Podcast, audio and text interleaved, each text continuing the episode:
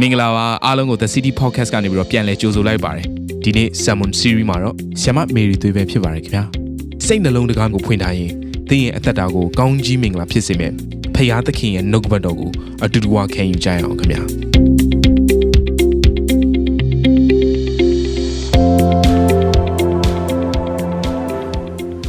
မိသားစုတွေအားလုံးမင်္ဂလာပါ မိသားစုတယောက်ချင်းစီတိုင်းပုံမှာဖခင်ရဲ့ချမ်းမာခြင်းညီသက်ခြင်းနဲ့ကောင်းကြီးမင်္ဂလာကယခုပင်တက်ရောက်ပါစေဒီလိုချင်းဒီကာလမှာကျွန်တော်တို့ကကာယအစာလောက်ပဲစားသုံးရတာမဟုတ်ပဲနဲ့ဝိညာဉ်အစာဒီဟုသောနှုတ်ပတ်တော်ကိုသုံးဆောင်ဖို့ရန်အတွက်အယံပဲအရေးကြီးတယ်ဒါမှခိုင်ခန့်ခြင်းရှိမှာဖြစ်တယ်ကျောက်ပေါ်မှာစောက်တဲ့အိမ်ကလည်းတရားစကားကိုကြားတယ်။တဲပေါ်မှာစောက်တဲ့အိမ်ကလည်းတရားစကားကိုကြားတယ်။ကြားခြင်းအတူတူပါပဲ။ ဒါပေမဲ့အမြင့်တွယ်ပြီးတော့ခိုင်ခန့်ပြီးတော့ခိုင်မာစွာအုံမြင့်ချတဲ့သူကမုံတိုင်းဘလောက်ပဲလာနေပါစေအဲ့ဒီအရာအထက်မှာကြော်လွှားခြင်းကိုဖြစ်စေတယ်။ဒါကြောင့်ဒီအချိန်ဒီကာလမှာကျွန်တော်နှလုံးသားတွေဖျားနဲ့ချိတ်ဆက်ပြီးတော့ခိုင်ခန့်ခြင်းကိုတိဆောက်မှသာလျှင်အဆုံးထိကျွန်တော်တို့သွားနိုင်မှာဖြစ်တယ်။ ခဏဒီချင်းနေကာလအတွက်ဖခင်ရဲ့နှုတ်ပတ်တော်ကိုတယောက်ချင်းစီတိုင်းအတွက်မိသားစုတွေတယောက်ချင်းစီတိုင်းအတွက်ယူဆောင်လာပါတယ်ဒီနေ့နှုတ်ပတ်တော်ရဲ့ခေါင်းစဉ်ကနှုတ်ခမ်းအသီးအားဖြင့်တကိုးစေလွတ်ပါအခြေပြုကျမ်းလေးကိုခဏလောက်ဖတ်ပြချင်ပါတယ်ဟေရှာအခန်းကြီး59အငယ်16ဖြစ်ပါတယ်ငါသည်နှုတ်ခမ်းအသီးကိုဖန်ဆင်း၏ဝေသောသူ၌၎င်းနီးသောသူ၌၎င်းငြိမ်သက်ခြင်းဖြစ်စေသူ၏အနာကိုငါပျောက်စေမိဟုထာဝရဘုရားမိန့်တော်မူ၏ နှုတ်ခမ်းသီးလို့ဒီထဲမှာရေးထားတယ် lips ဒီနှုတ်ခမ်းနဲ့ပတ်သက်ပြီးတော့ King James Bible မှာသူထဲမှာဘာဖော်ပြလဲဆိုအ lips ဆိုတဲ့နှုတ်ခမ်းဆိုတဲ့စကားလုံးလေးကိုကျမ်းစာအုပ်တစ်ခုလုံးရဲ့26အုပ်မှာအုပ်ငယ်ပေါင်း26အုပ်မှာဖော်ပြထားပြီးတော့အခန်းငယ်ပေါင်း118ခုကို lips ဆိုတဲ့နှုတ်ခမ်းလေးကိုဖော်ပြထားတယ်အချိန်ပေါင်းများစွာထက်ခါထက်ခါထက်ခါတွေ့ရတယ်ဒီຢာလေးကအမှုမဲ့အမတ်တမဲမဟုတ်ဘူး ဒီနေ့ဒီထဲမှာခြိတဲ့အခါမှာငါသည်နှုတ်ခမ်းအသီးကိုဖန်ဆင်း၏ဖန်ဆင်း၏ဖန်ဆင်းသောဖယားဖယားသခင်ကစัจ java လာတစ်ခုလုံးကိုဖန်ဆင်းတဲ့အခါကမ္ဘာလောကအကြီးကိုဖန်ဆင်းတဲ့အခါမှာလူကလွယ်ပြီးကြံတဲ့အရာအလုံးကိုနှုတ်ကနေဖြစ်စေဖြစ်စေဆိုတဲ့စကားတော်အားဖြင့်ခတ်သိမ်းသောအရာကဖြစ်တည်လာတယ် ဒီရောက်ကိုကြည့်ခြင်းအဖြစ်ဖခင်ရဲ့နှုတ်တော်ထွက်စကားလုံးကပျက်စီးခြင်းမရှိဘဲနဲ့ဘိန်နှုတ်တစ်လုံးမပျက်စီးရဆိုတဲ့စကားတကူတော်ကထိုနှုတ်ကနေပြီးတော့ထွက်လာတယ်။ဒါဆိုရင်ဖခင်ကကျမတို့လူသားတွေကိုဖန်ဆင်းတဲ့အခါမှာသူ့ရဲ့ပုံသဏ္ဍာန်တော်နဲ့ညီဖန်ဆင်းထားတယ်ဆိုတဲ့အတွက်ကြောင့်ပုံသဏ္ဍာန်လို့ပြောလာပြီးဆိုတဲ့အတွက်ကြောင့်ဖခင်ရဲ့ဖြစ်ခြင်းကလည်းလူရဲ့အထဲမှာရှိနေတယ်။ ဒါကြောင့်ဖခင်ကသူ့ရဲ့နှုတ်ကတကိုးထွက်သလိုလူကိုဖန်ဆင်းတဲ့အခါမှာလဲလူအားဖြင့်တည်ရတဲ့အခွင့်ကိုပေးတယ်ဒါကြောင့်လူကိုဘာပြောလဲဒီကမ္ဘာလောကကြီးမှာရှိရှိသမျှအရာအလုံးကိုမင်းနာမည်ပေးပါသူပေးလိုက်တဲ့နာမည်တိုင်းကတည်ရတဲ့အခွင့်ကိုဖခင်သူ့ကိုကောင်းကြီးပေးတယ်။ဘာကြောင့်လဲလူကဖခင်ရဲ့တဒံဖြစ်တဲ့အတွက်ကြောင့်မလို့လူရဲ့နှုတ်ခမ်းမှာဖခင်ရဲ့တကိုးတော်ကထည့်ထားတယ်။ဒါဆိုဒီထဲမှာခြိတဲ့အခါမှာငါသည်နှုတ်ခမ်းအသီးကို ပြောကြည့်ပါဦးနှုတ်ခမ်းအသီးသင်ရဲ့နှုတ်ခမ်းလေးကိုကင်ကြည့်လိုက်ပါဦးနှုတ်ခမ်းအသီးသင်ရဲ့နှုတ်ခမ်းမှာဘိတ်သိက်ရှိတယ်တကိုးရှိတယ်ဘုရားကကျမတို့ကိုဖန်ဆင်းတဲ့အခါမှာနားကနှစ်ခုနှစ်ဖက်ဖန်ဆင်းတယ်မျက်စိကလည်းနှစ်ခုဖန်ဆင်းတယ်ဒါပေမဲ့နှုတ်ခမ်းကိုတော့တစ်ခုပဲဖန်ဆင်းတယ် ကျွန်မစဉ်းစားတယ်နှုတ်ခမ်းသာနှစ်ခုဖန်ဆင်းလိုက်လို့တော့ပြဿနာပေါင်း36တောင်ဘယ်လောက်တောင်တိုးပွားလာမလဲမသိဘူးအဲ့ဒီနှုတ်ခမ်းတစ်ခုနဲ့နေတော့မှမင်းစကားငါစကားမင်းစကားဆိုပြီးတော့ပြန်ပြန်တိုက်ခိုက်တဲ့အရာတွေကရှိနေတယ်ဘာကြောင့်လဲဆိုတော့ဒီနှုတ်ကအရန်ဘိတ်သိက်ရှိတယ်တကိုးရှိတယ် power ရှိတဲ့အတွက်ဖြစ်တယ်သူတေတီတွေကဘာပြောလဲဆိုတော့အမျိုးသားတစ်ယောက်ကတဲ့တရက်မှာစကလုံးပေါင်း9000ကိုပြောတယ်တဲ့သူပါဇက်ကနေထွက်တာအမျိုးသမီးကတဲ့တရက်ကို2000လောက် စကလုံးပေါင်း2000လောက်ပြောနိုင်တယ်ဒါပြန်မြနော်ဆိုတော့ဒီလိုပြောလိုက်လို့အမျိုးသားတွေကစကားနဲ့တယ်အမျိုးသမီးတွေကစကားများလိုက်တာလို့ပြောတာမဟုတ်ဘူးကျွန်မပြောချင်တာကကျွန်တော်တို့နှုတ်ကနေနေ့တိုင်းထွက်တဲ့အရာကထောင်နဲ့တောင်းနဲ့ချီပြီးရှိနေတယ်အဲ့ဒီလိုထောင်နဲ့တောင်းနဲ့ချီပြီးရှိတဲ့ထဲကဒီတကိုးပါတယ်ဆိုရဲနှုတ်ကနေထောင်နဲ့တောင်းနဲ့ချီပြီးဆေလွတ်တဲ့အရာကဘယ်အရာတွေကိုဆေလွတ်နေလဲ ကျမတို့ပြောလိုက်တဲ့စကားကိုနှုတ်ခမ်းအသီးလို့ပြောထားတဲ့အတွက်ကြောင့်ဒီနှုတ်ခမ်းကိုဖခင်ကဘာနဲ့ခိုင်းနိုင်ထားလဲဆိုတော့အသီးနဲ့ခိုင်းနိုင်ထားတယ် the fruit of the lips နှုတ်ခမ်းကို fruit အသီးလို့ခိုင်းနိုင်ထားတယ်ဒါဆိုစကလုံးတိုင်းကျမတို့ပြောနေတဲ့စကလုံးတိုင်းသည်အသီးဖြစ်တယ် အသီးလို့ပြောလာပြီးဆိုရင်တိုးပွားခြင်းရှိတယ်။ဘာကြောင့်တိုးပွားလဲဆိုတော့အဲ့ဒီအသီးထဲမှာအစိတ်ရှိလို့ဖြစ်တယ်။အဲ့ဒီအစိတ်ကအပင်ပေါက်တယ်။အပင်ပေါက်တဲ့အတွက်ကြောင့်မလို့တိုးပွားခြင်းဆိုတာအမြဲရှိတယ်။ဒါဆိုဖယားခင်ကကျမတို့ကိုဘာရည်ရွယ်ချက်နဲ့ဒီနှုတ်ခမ်းကိုဖန်ဆင်းတာလဲ။ဖွင့်ဟဖို့ဖွင့်ဟဖို့ဖယားကကျမတို့နှုတ်ခမ်းကိုဖန်ဆင်းတာ။ဒါဆိုဘာကိုဖွင့်ဟရမှာလဲ။ဒီချင်းနဲ့ဒီကာလအတွက် ကျွန်တော်တို့နှုတ်ခမ်းဖွင့်ရမယ့်အရေးကြီးတဲ့အရာတွေရှိတယ်မဖွင့်မနေဖွင့်ရမယ့်အရာရှိတယ်တကိုးပါတဲ့အရာရှိတယ်အဲ့ဒီအရာကကျွန်တော်တို့ဝိညာဉ်ပိုင်းအတွက်တကယ့်ကိုအရန်အရေးကြီးတဲ့အရာဖြစ်တယ်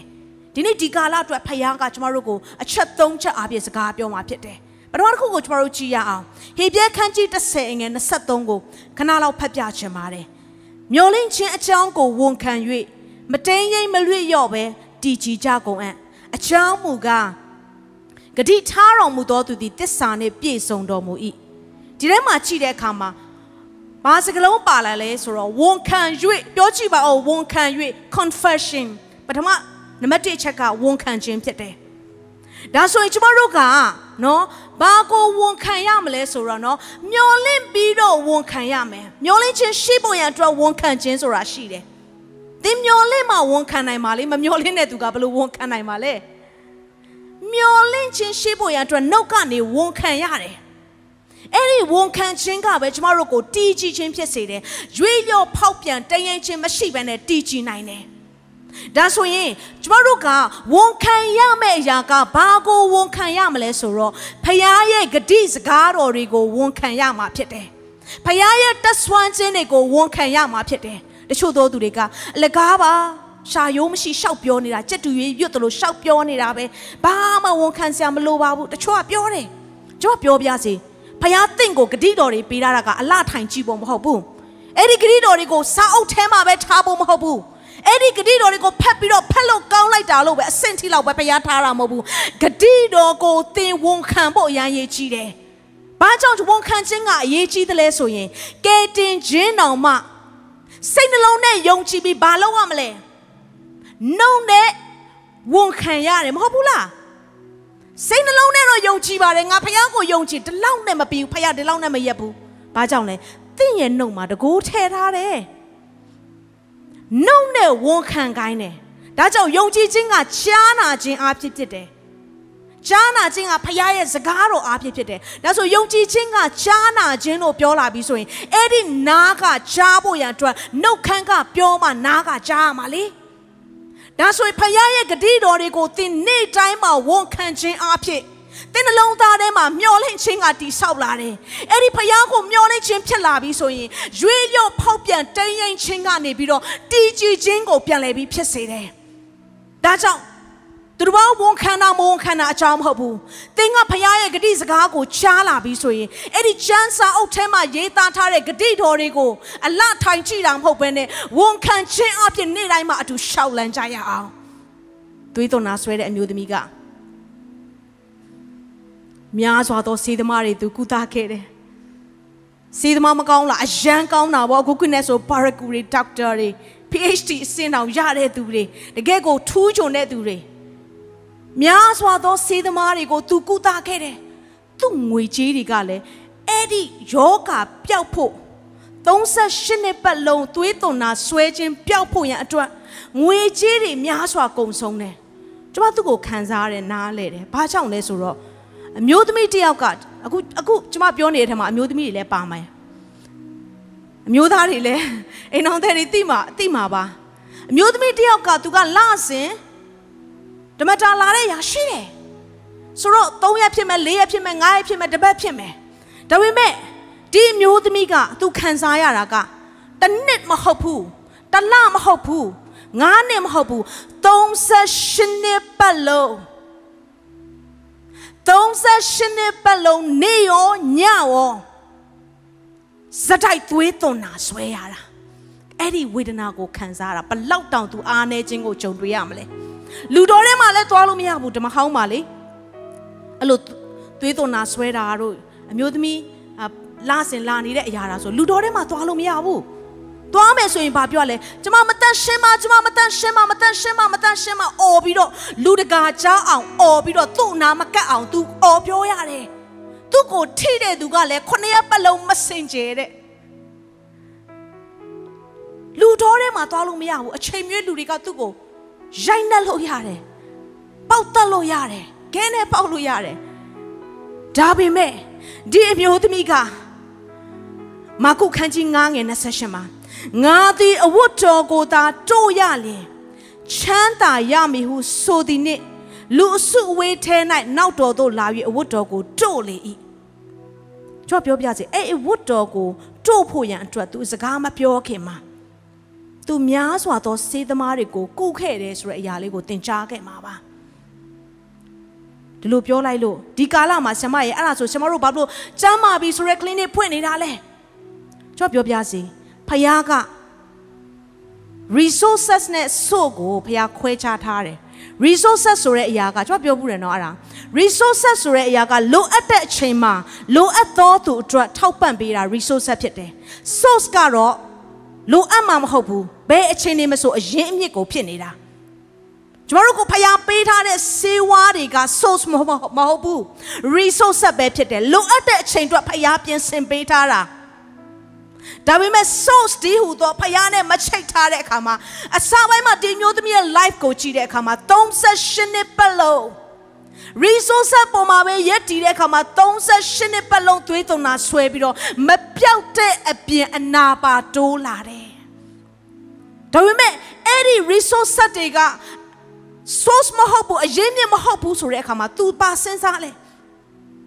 ငါသည်အဝတ်တော်ကိုသာတို့လျင်ချမ်းသာရမည်ဟုဆိုသည်နှင့်ချမ်းသာရမည်ဟုဆိုသည်နှင့် အဲ့ဆိုသည်နှင့်ဆိုတဲ့စကားလုံးတွေကကျွန်မအရန်သဘောကျတယ်သူတခြားသူကိုပြောတာမဟုတ်ဘူးပတ်ဝန်းကျင်ကိုပြောတာမဟုတ်ဘူးသူ့ကိုယ်သူပြန်ပြောတာအဲ့ဒါဘာလို့တာလဲသူ့ကိုယ်သူဝန်ခံနေတာဖြစ်တယ်ဖခင်ရဲ့အဝတ်ကိုငါတို့ပြီးဆိုရင်ငါလုံးဝပြောက်မယ်သူပေးနာမှာဘယ်သူမှလည်းကတ်ချင်မှာမဟုတ်ဘူးဘယ်သူမှလည်းသူစကားနားထောင်ချင်မှာမဟုတ်ဘူးလူတွေတွေ့တာနဲ့သူ့ကိုမတန့်ရှင်းဘူးဆက်ဆုပ်ယုံချပွဲကောင်းတယ်လို့သတ်မှတ်ထားတာဒါပေမဲ့သူ့ကိုသူပြန်ပြောတယ် အဲ့အဝတ်တော်ကိုတို့ချင်းချမ်းမာချင်းကမရောက်သေးဘူးဒါပေမဲ့ तू ဘာကိုဝန်ခံလဲအဲ့ဒီအဝတ်တော်ကိုတို့မယ်ဆိုရင်ငါချမ်းမာမယ်ဆိုပြီးသူ့ကိုသူဝန်ခံပြီးပြောနေတယ်အနေကျမတို့ဘဝသက်တာမှာအခြေအနေတွေကမကောင်းဘူးဆိုးရွားနေတယ်မိသားစုကိုကြည့်လိုက်တဲ့အခါမှာမိသားစုတွေကပျော်ကွဲနေတယ်အိမ်အောင်ကြီးတွေအဆင်မပြေဘူးအဲ့ဒီအခါမှာတင်းကိုတင်းချိပြီးတော့ပြန်ပြောလိုက်ပါ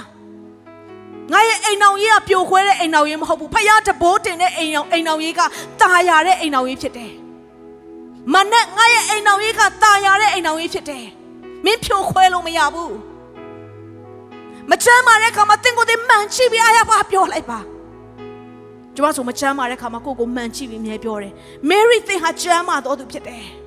။ကိုကိုပြောလိုက်ပါ။ဒီမျိုးသမီးဘာကြောင့်ပြောလဲဆိုတော့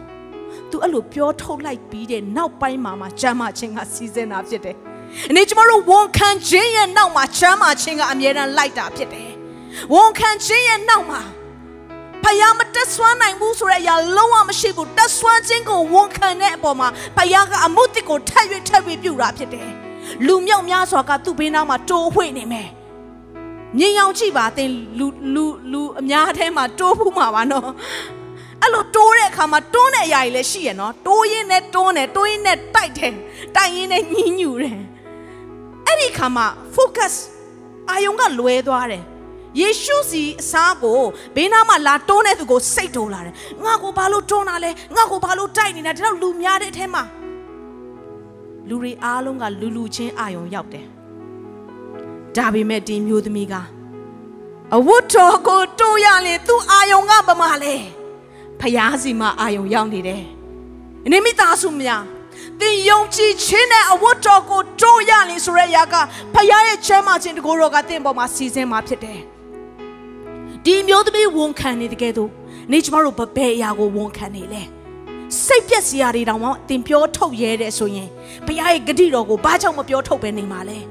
ညင်ကြွားစရာတွေတောင်မှတင်းနှုတ်ကထွက်သေးတယ်ဆိုရင်ဒီအချိန်ဒီကာလမှာဂတိတော်တွေဘာကြောင့်နှုတ်ကနေမထွက်ရမှာလဲ ဒီနေ့ကစပြီးဖခင်ဂတိတော်ကိုကင်ဆွဲပြီးတော့ဒီအမျိုးသမီးလိုပဲအဝတ်တော်ကိုတိုးရလေငါချမ်းပါမယ်ဆိုပြီးသူ့ကိုယ်သူပြောတဲ့အတိုင်းပဲအဲ့ဒီကိုဘသူဖြစ်လဲဆိုတဲ့အရာကိုဝန်ခံမယ်ဖခင်ကိုပေါ်မှာဘလို့ချမ်းပါခြင်းပေးလဲဆိုတဲ့အရာကိုဝန်ခံမယ်ကိုမိသားစုပေါ်မှာဖခင်ဘလို့ယူပါယုံနဲ့ဆွဲခေါ်မလဲဆိုတဲ့အရာကိုယုံကြည်ခြင်းနဲ့ဝန်ခံပြီးပြောထုတ်ကြရအောင်တုတ်တကြံခန်းကြီး၁၈ငယ်27မှာရှာသည်အသက်သေးခြင်းနဲ့ရှင်ခြင်းကိုအစိုးရ၏ ရှာကိုနှစ်သက်တော်သူသည်လည်းရှာဤအသီးကိုစားရ၏ကျမတို့ပြောလိုက်တဲ့စကားတွေနှုတ်ကနေထွက်လိုက်တဲ့အရာတွေက reality ဆိုတဲ့အစစ်မှန်ကိုဖြစ်လာတယ်အဲ့ဒီအစစ်မှန်ကနေပြီးတော့ life ဆိုတဲ့ရှင်ခြင်းကိုလည်းဖြစ်စေနိုင်တယ်အသက်သေးခြင်းနဲ့ရှင်ခြင်းသို့မဟုတ်သင်ပြောလိုက်တဲ့စကားက trap ဆိုတဲ့ထောင်ချောက်ကိုလည်းဖြစ်နိုင်တယ်ဒါကြောင့်တုတ်တန် ကျမ်းအခန်းကြီး6ငယ်နဲ့မှာကိုနှုတ်ထွက်စကားအဖြစ်ကြောမိပြီးကိုပြောသောစကားကြောင့်အမှုရောက်လေပြီတဲ့ကိုပြောလိုက်တဲ့စကားကကိုယ့်ရဲ့ထောင်ချောက်ပြန်ဖြစ်နိုင်တယ်အေးအဲ့ဒီလိုထောင်ချောက်ဖြစ်ပြီးဆိုရင်တော့တေခြင်းဆိုတဲ့အရာဖြစ်လာတယ်ဒါဆိုမိသားစုများကျမတို့နှုတ်ကနေထွက်တဲ့အရာတွေကတေခြင်းကိုထွက်မလားရှင်ခြင်းကိုထွက်မလားသင်ရွေးချယ်ရမယ် တေခြင်းနဲ့ရှင်ခြင်းကိုအစိုးရဤအစိုးရဤဆိုတဲ့အရာကဘာလဲဆိုတော့အချုပ်အခြာဖြစ်တယ်တဲ့တင်ပြောလိုက်တဲ့စကားကတင့်ကိုရှင်းစေနိုင်တယ်။သို့မဟုတ်တင်ပြောလိုက်တဲ့စကားကတင့်ကိုတေခြင်းကိုပို့နိုင်တယ်။အဲ့ဒီအရာကတင့်ရဲ့နှုတ်ကတင်းငယ်ပေမဲ့လည်းအချောက်ချဖြစ်နေတယ်။ဝန်ခံလိုက်တဲ့အရာပေါ်မှာ victor ဆိုတဲ့အောင်မြင်တဲ့သူဖြစ်နိုင်သလိုဝန်ခံလိုက်တဲ့အရာပေါ်မှာ victim ဆိုတဲ့ ဒုက္ခတွေလည်းဖြစ်သွားနိုင်တယ်။ယနေ့ရှင်ခြင်းကိုရွေးမလားတေခြင်းကိုရွေးမလားမိသားစုများ။ကျွန်မယုံကြည်တယ်။ဒီမှာရှိတဲ့သူတစ်ယောက်စီတိုင်းကအသက်ရှင်ခြင်းကိုရွေးချယ်ပြီးဘုရားရဲ့ဂတိတော်ကိုဝန်ခံမှာဖြစ်တယ်။ညီတွားစရာတွေကိုဝန်ခံမှာမဟုတ်ဘဲနဲ့ဂတိတော်ကိုဝန်ခံမှာဖြစ်တယ်။စိတ်ညစ်စရာတွေကိုဝန်ခံမှာမဟုတ်ဘဲနဲ့ဘုရားရဲ့ဂတိတော်ကိုဝန်ခံမှာဖြစ်တယ်။ဟာလေလုယာ။ဒုတိယတစ်ချက်အနေနဲ့ဒီကာလမှာသင်ရဲ့နှုတ်ခမ်းကိုအဓိကဖွင့်ရမယ့်အရာကဘာလဲဆိုတော့ praise and pray ဖိနှလုံးဖြစ်တယ် praise ချီးမွမ်းခြင်းနဲ့ praise ဆုတောင်းခြင်းဖြစ်တယ်ဟေပြဲခန်းကြီး73ငယ်15လေးကိုခဏလောက်ဖတ်ပြခြင်းတယ်ထို့ကြောင့်ငါတို့သည်ဘုရားသခင်၏ကျေးဇူးတော်ကိုဝန်ခံလျက်နှုတ်ခမ်းအသီးဒီဟုသောချီးမွမ်းခြင်းရစ်ကိုသခင်ယေရှုခရစ်အားဖြင့်ဘုရားသခင်ရှေ့တော်၌အစင်ပူဇော်ကြကုန်အံ့အစင်ပြောကြည့်ပါဦးအစင် အစင်ဆိုတဲ့အရာကတရက်လောက်ပဲမဟုတ်ဘူးနေ့တိုင်းနေ့တိုင်းနေ့တိုင်းကိုပြောခြင်းဖြစ်တယ်ဘသူရှေ့မှာလဲဆိုတော့ဖယားသခင်ရှေ့မှာတဲ့ဘာလို့ရမလဲဆိုတော့ချီးမွမ်းခြင်းရစ်တယ်ချီးမွမ်းခြင်းရစ်လို့ပြောတဲ့အခါမှာကိုရောကိုရောပြုတဲ့အမှုရာတွေအားလုံးကယေရှုတင်လိုက်တာကိုရောရဲ့အတိတ်မှာကိုရောအရန်ကောင်းမြတ်တယ်ယခုလက်ရှိမှာလည်းအရန်ကောင်းမြတ်တယ် ကျွန်တော်ယုံကြည်တယ်ကိုရောအနာဂတ်မှာကိုရောကောင်းမြတ်အောင်မယ်ဆိုတာယုံကြည်တယ်ဘာလို့မလဲအဲ့ဒီယေရှုတော်ချီးမွမ်းပြီးတော့ဆုတောင်းခြင်းထဲမှာဘုရားကိုယေရှုတဲ့နှလုံးသားနဲ့ချီးမွမ်းခြင်းတွေထဲမှာလေထုတွေကပြောင်းလဲလာတယ်ရေတန်တရားလဲခြင်းကိုသိမှာပါမိုးရွာတယ်မလားမိုးရွာပြီးတော့အဲ့ဒီရေတွေကမြေကြီးပေါ်မှာနေပြီးသွားတာမဟုတ်ဆက်ပြီးတော့စီးဆင်းနေတယ်မြေချောင်းအင်းအိုင်ဆက်စီးဆင်းနေတယ် ပြီးတော့အဲ့ရေတွေကဘာဖြစ်လာလဲဆိုတော့အငွေ့ပြန်သွားတယ်အငွေ့ပြန်ပြီးတော့တိမ်အဖြစ်ဖြစ်လာတယ်တိမ်ဖြစ်ဖြစ်လာပြီးတဲ့အခါမှာအဲ့ဒီအရာတွေကတိမ်တုကများလာများလာများလာများလာဒုတွေကများလာတဲ့အခါမှာပြန်ပြီးတော့မိုးအဖြစ်ကိုရွာချတယ်ဒီလိုပဲကျမတို့နှလုံးသားတွေကနေကိုရောကောင်းမြတ်လိုက်တာကိုရောဂျေစုတင်လိုက်တာကိုရောယနေ့ထက်တိဆွဲခေါ်တဲ့အတွက်ဂျေစုတင်ပါတယ်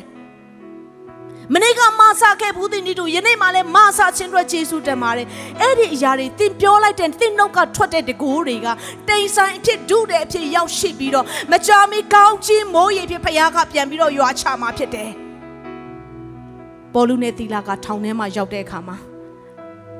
စစ်ကဲမင်းတွေကအဲ့ဒီမတိုင်ခင်မှာဘာလုပ်လဲဆိုတော့သူတို့ရဲ့အဝတ်ကိုချွတ်တယ်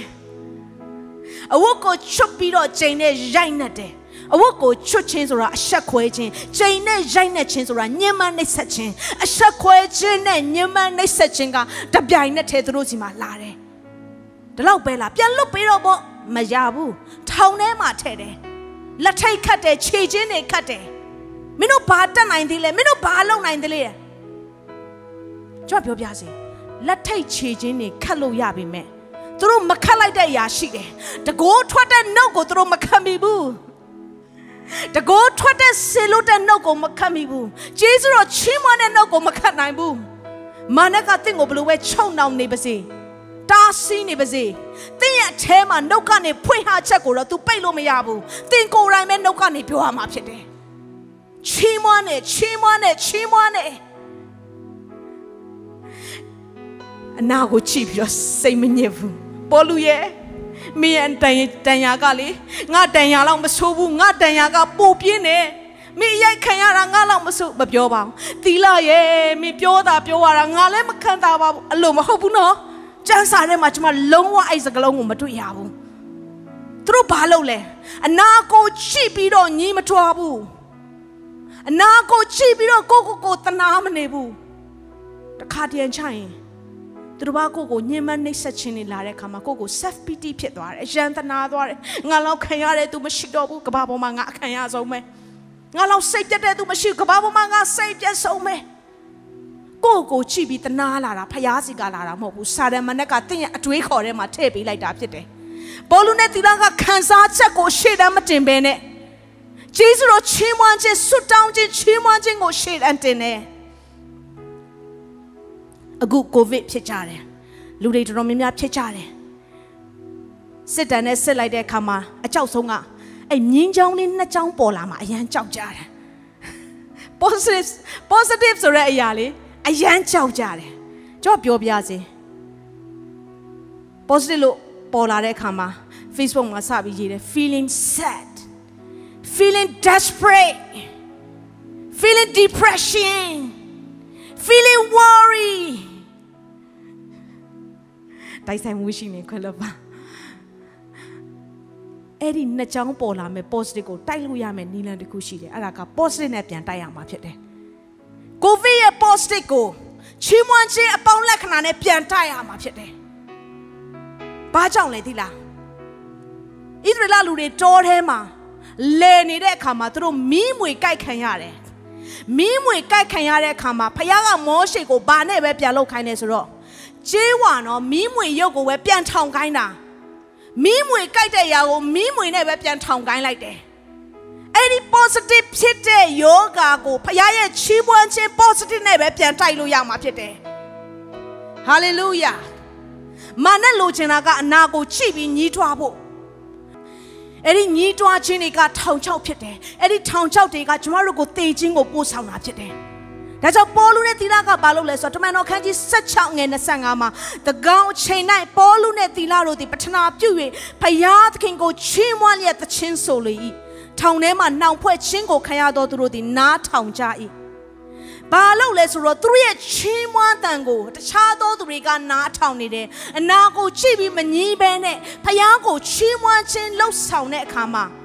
အဲ့ဒီခတ်ထားတဲ့လက်ထိတ်တွေခတ်ထားတဲ့ခြေချင်းတွေအကုန်လုံးပြုတ်ထွက်သွားတယ်ထောင်တကားတွေကပြင်းစွာလှုပ်လာတယ်ဖယားကြွလာတဲ့အခါမှာမြေကြီးတွေကပါလှုပ်တယ်အခုမြေကြီးတွေကလှုပ်ပြီးတော့ထောင်နေရနေကပါပြင်းစွာလှုပ်ခြင်းကိုဖြစ်စေတယ်။ဘောလူနဲ့သီလရဲ့ချီးမွမ်းခြင်းကကျန်တဲ့ထောင်သားအချုပ်သားတွေအားလုံးရဲ့လက်ထိတ်တွေခြေခြင်းတွေပါလွတ်မြောက်ခြင်းကိုဖြစ်စေတယ်။ဒါဆိုမိသားစုများတိမိသားစုထဲမှာ တတယောက်တည်းချီးမွမ်းနေလို့စိတ်တမကြနဲ့တင်းရဲ့ချီးမွမ်းခြင်းကမိသားစုတွေကိုလွတ်မြောက်ခြင်းကိုဖြစ်စေတယ်။ဘောလူနဲ့သီလရဲ့ချီးမွမ်းခြင်းကအချုပ်သားတွေကိုလွတ်မြောက်စေသလိုလွတ်လပ်စေသလိုသင်ရဲ့ချီးမွမ်းခြင်းကသင်ရဲ့မိသားစုထဲမှာပိတ်လောင်ထားတဲ့ချုပ်နှောင်ထားတဲ့မာနရဲ့လှုပ်ဆောင်ချက်အလုံးကိုဖြိုချပျက်စီးစေတယ်။အဆိုးဆုံးအချိန်တွေက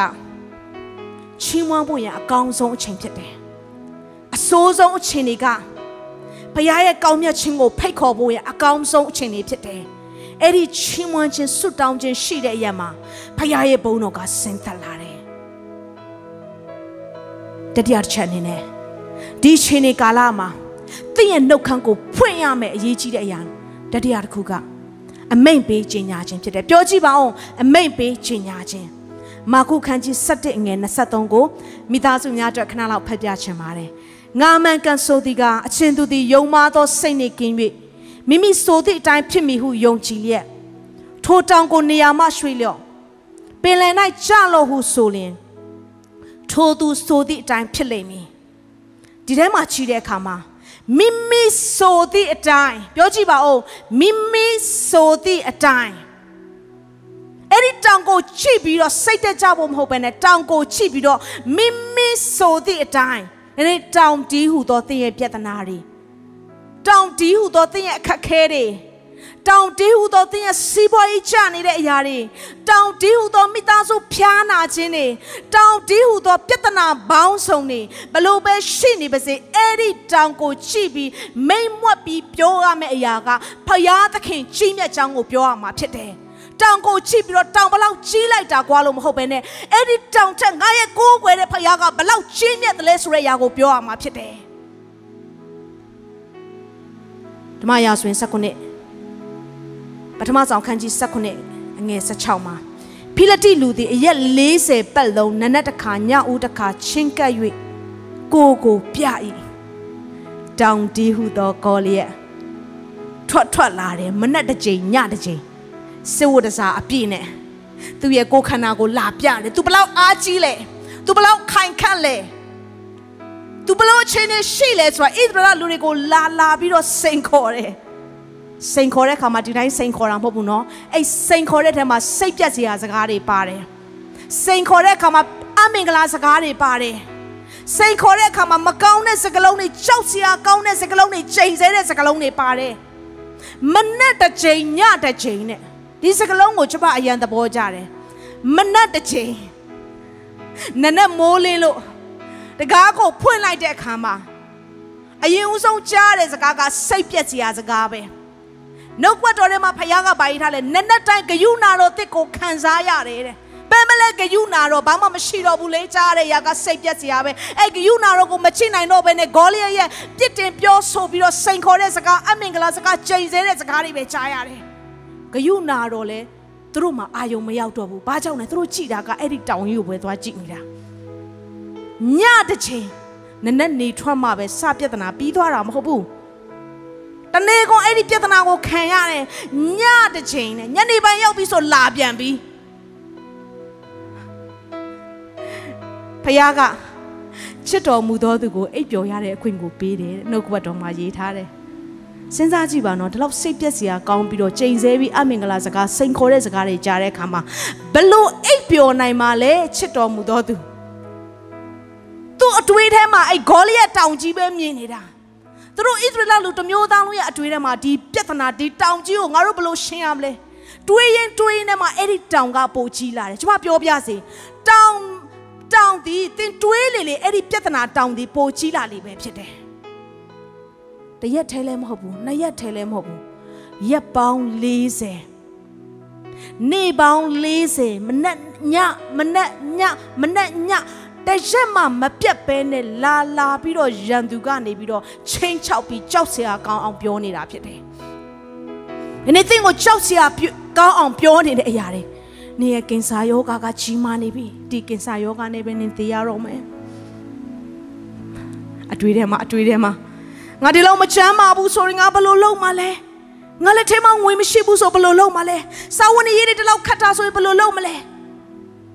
ဂေါလိယက်ကစစ်တလင်းမှာလာလာပြီးတော့သူ့ရဲ့ကိုယ်ခန္ဓာကိုပြောနေပြနေတယ်လို့ပဲတင်းရဲ့အတွေးခေါ်ဆိုတဲ့စစ်တလင်းထဲမှာတင်းပြန်တိုက်နေရတယ်တင်းကိုလာလာပြီးတော့ကိုပြီးတော့လှဲ့ပြနေကိစ္စယောဂကြီးကလာလာပြီးတင်းရှိမှလာလာပြီးလှဲ့ပြနေတယ် အဲ့ဒီအရာကိုကြောက်နေတဲ့အခါမှာပို့ပို့ပြီးတော့ကိုကိုတိမ်ငယ်တို့လို့တီးငယ်တို့လို့ခံစားရတယ်။အိုးနာမချမ်းဖြစ်လဲစဉ်းစားတဲ့အခါမှာဖယားကဘလောက်တောင်ကိုကိုကဲတင်ခဲ့တယ်လဲဆိုတဲ့အရာကိုစဉ်းစားရမယ်။ကိစ္စယောကမင်းကြီးတာထက်ဖယားငါ့ရဲ့ဖယားကပို့ပြီးတော့ချီးမြတ်တယ်။ပြဿနာဒီဟူသော program ကိုမပြောဘဲနဲ့ promise လို့ခေါ်တဲ့ဖယားရဲ့ဂတိစကားကိုနှုတ်ကနေဖွင့်ပြီးတော့ပြောရမှာဖြစ်တယ်။ဣသရေလလူတွေကပြဿနာကိုပဲပြောတယ်။ဒါပေမဲ့ ဒါဝိတ်ကတော့ဘာပြောလဲဆိုတော့ဓမ္မရာဆိုရင်ပထမဆုံးအခန်းကြီး16အငယ်26ခါကွေးပိုင်းလေးဖြစ်တယ်။ရေပြားလီးခြင်းကိုမခံတော့ထိုဖိလတိလူသည်အဘယ်သို့သောသူဖြစ်သည်နည်းဟုမိမိအနားမှာရှိသောသူတို့ဟာမင်းမြန်းလေ။လူတွေအားလုံးက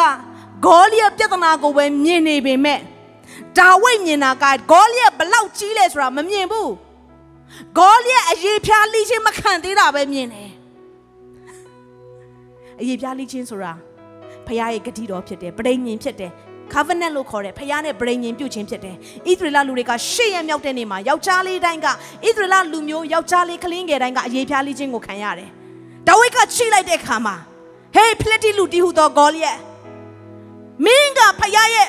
ဗဒိညင်ဒီဟုသောအမတ်သားမင်းမှာမရှိဘူးငါကရှေ့ရသားကလေးကဖခင်နဲ့ဗဒိညင်ပြုတ်ထားတဲ့သူအနေကျမတို့ ဖခင်ရဲ့ဗဒိညင်ကိုမြင်လားအဲ့ဒီဟောက်တော်ချင်းတဲ့ကဲ့သို့ပဲပြနေတဲ့အရာကိုပဲမြင်နေလားဒါဝိဒ်သူမတိုက်ခင်မှာဘာလုပ်လဲဆိုတော့အမိန်ပေးခြင်းညာတဲ့အရာလုပ်တယ်အရေးဖြားလိချင်းကိုမခံယူတဲ့သူကျွန်တော်ဘဝမှာတဲ့ဝုန်းနေချစ်တဲ့တေတော့မှကျွန်တော်ဆွဲပြဲပြီးတော့တော့ကျွန်တော်တက်ပြီးတော့ သူတို့ကိုတိုက်ခိုက်နိုင်ခဲ့တာတဲ့ဒီသူကဘာဘာမို့လို့လဲဒီသူကဘာအရေးချင်းရှိလို့လဲဒီသူကအရေးဖြားလေးချင်းကိုမခံတဲ့သူကဘာလို့လို့ရမှာလဲဒါဝိဒ်သူသိတယ်သူ့ရဲ့အနောက်မှာကောင်းဝင်းတမန်နဲ့အသင်ချင်းနဲ့ရှိတာကိုသူသိတယ်ဒါဝိဒ်သူသိတယ်ဖယားသခင်ရဲ့နာမတော်ကသူ့ကိုကဲတင်မဲ့ဆိုတာသူသိတယ်ဒါဝိဒ်သူသိတယ်သူအဆက်ကွဲမခံရဘူးဒီပွဲကမာနက်ကိုသူချေမုန်းနိုင်မဲ့ပွဲဆိုတာသူသူသိတယ်ဂေါလိယဒီဟုသောမာနက်ကဘလို့ပဲချိန်ချောက်နေပါစေသူကဒါဝိဒ်က လက်ရှိချင်းတွေကိုမပြောဘဲနဲ့အနာဂတ်ကိုပဲဖယားလှုပ်ဆောင်မဲ့အမှုရာကိုပဲသူပြောတယ်အနေသင်ရဲ့လက်ရှိချင်းတွေမှာမာနက်ကဘလောက်ပဲချီးနေပါစေဖယားကြီးမြတ်ကြောင်ကိုသင်ပြောလိုက်ပါတင်ကူပြောနေပြီဆိုရင်အသိလေထုထဲမှာဒီအရာတွေကပြောင်းလဲနေပြီဖြစ်တယ်ချက်ချင်းမျက်စိနဲ့မြင်ရချင်မှမြင်ရလိမ့်မယ်အဲ့ဒါကလေထုထဲမှာတစားတဲ့တစားဖယားအမှုတိကိုပြုတ်နေတာဖြစ်တယ်ဂေါလိယဒီဟုသောအရာကမာနက်ကိုပုံဆောင်တယ်နော်ဖ ယားနာမနဲ့သွားတဲ့အခါမှာဂေါလိယနောက်ပြန်လဲတောင်ပေါ့အရှိကိုငိုက်ပြီးတော့ပြန်လဲပြီးချသွားတယ်ဟာလေလုယာနှုတ်ကပတ်တော်ထဲမှာကြည်တဲ့အခါမှာအရှိကိုပြန်ငိုက်ပြီးတော့ကြားတဲ့သူရှိတယ်အဲ့ဒါကဒါကုံနဲ့ဖယားဖြစ်တယ်ဖယားရဲ့ brain ညင်တက်တာတော့လည်းရောက်ကောဒါကုံဖယားเจ้าကိုဖွင့်လိုက်တဲ့အခါမှာ brain ညင်တက်တာတော့ရှေ့မှာဒါကုံကပြက်ဝတ်တယ်တဲ့ပြက်ဝတ်တယ်ဆိုတာပလက်ကြီးပြက်ဝတ်နိုင်မှာမဟုတ်ဘူးပြက်ဝတ်တယ်လို့ပြောတဲ့အတွက်ကြောင့်အရှိကိုငိုက်တာ အရှိကိုငိုက်တာဒါကုံကအရှိကိုငိုက်ပြီးတော့ဗြိဉ္ဉ်တက်တာတော့ကိုပြက်ဝတ်တယ်။ဘာကြောင့်လဲနာမတကာတို့ထက်ကြီးတဲ့ဖခင်ကသူ့ရှေ့မှာရှိလို့ဖြစ်တယ်။မာနတီဟုသောဂေါလိယကဒါဝိဒ်ရဲ့အရှိကိုပြန်ကြနေတယ်။အရှိကိုငှက်ပြီးတော့ကြတယ်။ဘာကြောင့်လဲဒါဝိဒ်တီဟုသောဖခင်ကိုကိုစားပြုခြင်းဖခင်နဲ့အတူနာမတော်ရှိခြင်းကိုတွေ့တဲ့အခါမှာမာနကလည်းငှိုက်တယ်လို့ဂေါလိယကလည်းငှိုက်နေတယ်။အရှိကိုငှိုက်ကြတယ်။ ဒါကြောင့်ဖခင်ရဲ့နာမတော်ကအမြင့်ဆုံးသောနာမတော်ဖြစ်တယ်။နာမတကာတို့တက်ချီးမြတ်တဲ့နာမတော်ဖြစ်တယ်။ဖခင်နာမတော်မပါဘူးဆိုရင်မာနကတော့ထောင်းထောင်းထောင်းထောင်းလုံနေမှာပဲ။ဒါပေမဲ့ဖခင်နာမတော်ပါလာတဲ့အခါမှာမာနအလွန်ကြောက်တယ်။အနေမိသားစုများအမြင့်ဆုံးသောဖခင်ခင်ကတင်းပတ်မှာရှိတယ်။တင်တိုက်နေရတဲ့တိုက်ပွဲကရှုံးနေတဲ့တိုက်ပွဲမဟုတ်ဘူး။အောင်မြင်တဲ့တိုက်ပွဲကို ဖခင်နဲ့အတူတင်တိုက်နေတာဖြစ်တယ်။အချိန်တွေကသင်ကိုရက်တန်းလို့မရဘူးပြဿနာတွေကသင်ကိုရက်တန်းလို့မရဘူးယောဂါတွေကသင်ကိုရက်တန်းလို့မရဘူးစိတ်တကြခြင်းတွေကသင်ကိုရက်တန်းလို့မရဘူးနှုတ်ကပတ်တော်ထဲမှာတခိုးကိုမိတယ်ဆိုရင်အဲ့တခိုးကိုခုနှစ်ဆပြန်တောင်းပိုင်ခွင့်ရှိတယ်။မာနဲ့သင်ကိုခိုးယူသွားတဲ့စီးပွားရေးတွေဆုံးရှုံးသွားတဲ့အရာတွေကိုအမိတ်ပေးကြုံညာပါအမိတ်ပေးခြင်းညာပါမာနဲ့မင်းကတခိုးပဲ တခိုးကိုမိရင်ခုနှစ်ဆပြန်တောင်းပိုင်ခွင့်ရှိတဲ့အတွက်ကြောင့်မလို့မင်းခိုးယူသမျှအရာအလုံးကိုယေရှုနာမ၌ပြန်ပြီးတော့သိမ့်ပိုက်တယ်အဲ့ဒါငါပြောတာမဟုတ်ဖယားပြောတဲ့အရာဖြစ်တယ်ဒါကြောင့်မိသားစုများတချို့သောຢာတွေကဝိညာဉ်ထဲမှာချက်ချင်းမမြင်ရပေမဲ့ဝိညာဉ်နယ်ပယ်ထဲမှာတစားတစားပြောင်းလဲနေတယ်ရေစကြည်လာကအယိုးကိုမြင်တဲ့အခါမှာအယိုးတွေကြီးပဲနော်ဆိုကြည့်ပြီးစိတ်တမကြဘူး အယိုးကို prophet ဖြုတ်ပြီးတော့နှုတ်ကနေပြီးတော့ तू ပြောထွက်တာ तू အရင်ဆုံးလောက်တာကနှုတ်ကနေ तू ပြောထွက်လိုက်တာနှုတ်ကနေပြောထွက်တဲ့အခါမှာအဲ့ဒီ6သွေးတဲ့အယိုးတွေကတစတဲ့တစပြန်ပြန်လဲပြီးစုစည်းပြီးတော့ပုံမှန်သဏ္ဍာန်တွေပေါ်လာပြီးတော့ဘိုချေဖြစ်ဖြစ်လာတယ်။အနေကျမတို့တိုင်းနိုင်ငံမှာသွေး6တဲ့အယိုးလိုပဲဖြစ်နေလား။တစစီပြိုကွဲခြင်းတွေဖြစ်နေလား။မျောလင်းချက်မဲ့တဲ့အရာတွေဖြစ်နေလား။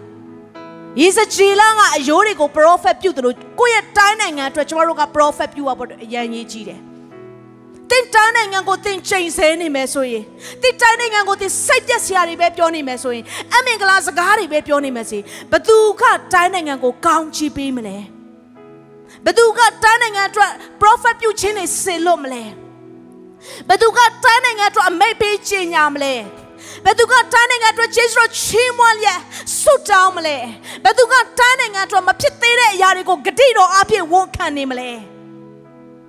ဘုရားရှာနေတယ်ဘုရားရှာနေတယ်ဒါကြောင့်ဒီအချိန်မှာကျွန်တော်ဘုရားကိုခဏလောက်မျှော်ကြည့်အောင်ကျွန်တော်တိုက်နေတဲ့အရာကဇာတိအသွေးသားလက်နဲ့အားဖြင့်ကျွန်တော်တို့တိုက်နေတာမဟုတ်ဘူးဝိညာဉ်ထဲမှာတိုက်နေရတဲ့စစ်ပွဲဖြစ်တယ်မြင်ရတဲ့တိုက်ပွဲမဟုတ်မမြင်ရတဲ့ဝိညာဉ်နဲ့ပဲစစ်ပွဲဖြစ်တယ် အဲ့ဒီဘုံကြီးသောလက်နဲ့ကဖခင်ရဲ့အတူပါရှိခြင်းပဲဖြစ်တယ်မြို့ရိုးမြို့ပြတွေကိုပြိုပြက်စေတဲ့လက်နဲ့ဖြစ်တယ်ခတ်သိမ်းသောတတိုင်းတွေကိုဖြိုချတဲ့လက်နဲ့ဖြစ်တယ်ခတ်သိမ်းသောခြေချင်းတွေကိုခြေမွစေတဲ့လက်နဲ့ဖြစ်တယ်ဒါကြောင့်ဒီဒီချိန်မှာဒီသချင်းလေးတစ်ပုဒ်ကိုကျွန်တော်တို့နှလုံးသားထဲကနေဝန်ခံပြီးတော့ဝိညာဉ်ထဲမှာကျွန်ုပ်ကအားကြီးတဲ့စစ်သူရဲ့ဖြစ်တယ်ဝန်ခံခြင်းအဖြစ် ကျွန်တော်တို့အတူတကွနှလုံးသားများကိုပြင်ဆင်ရအောင်နှုတ်ခမ်းကိုဖွင့်ရအောင်ဟာလေလုယာ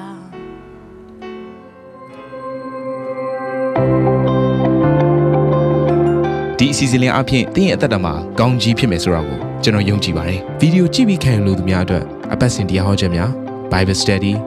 ကြီးမွန်ကိုးကွယ်ခြင်းနဲ့အခြားသောအကြောင်းအရာတွေဟာတင်းအတွက်အဆင်သင့်ရှိနေပါတယ် YouTube မှာ The City Space TV လို့ရိုက်ထည့်လိုက်တဲ့အခါ ကျွန်တော်တို့ကိုတွေ့ရှိမှာဖြစ်ပါတယ် Subscribe လုပ်ခြင်းအပြင်တင်းနဲ့ထက်ချက်မကွာအမြင်ရှိနေပါပါဒါအပြင် Facebook မှာလည်း The City ရန်ကုန်လို့ရိုက်ထည့်လိုက်တဲ့အခါတည်င်းအချက်အလက်နဲ့ poster တွေကိုအချိန်နဲ့တပြေးညီတွေ့ရှိအောင်မှာဖြစ်ပါတယ်ခင်ဗျာ The City Podcast ကိုနားထောင်သူတိုင်းဖျားသခင်ရဲ့ထူကြသောဖွင့်ပြချက်နဲ့ကောင်းကြီးမင်္ဂလာများခံစားမိကြောင်းကျွန်တော်ဆုတောင်းရင်ဒီ season လေးကိုဒီမှာပဲညှိနှိုင်းပါရစေခင်ဗျာ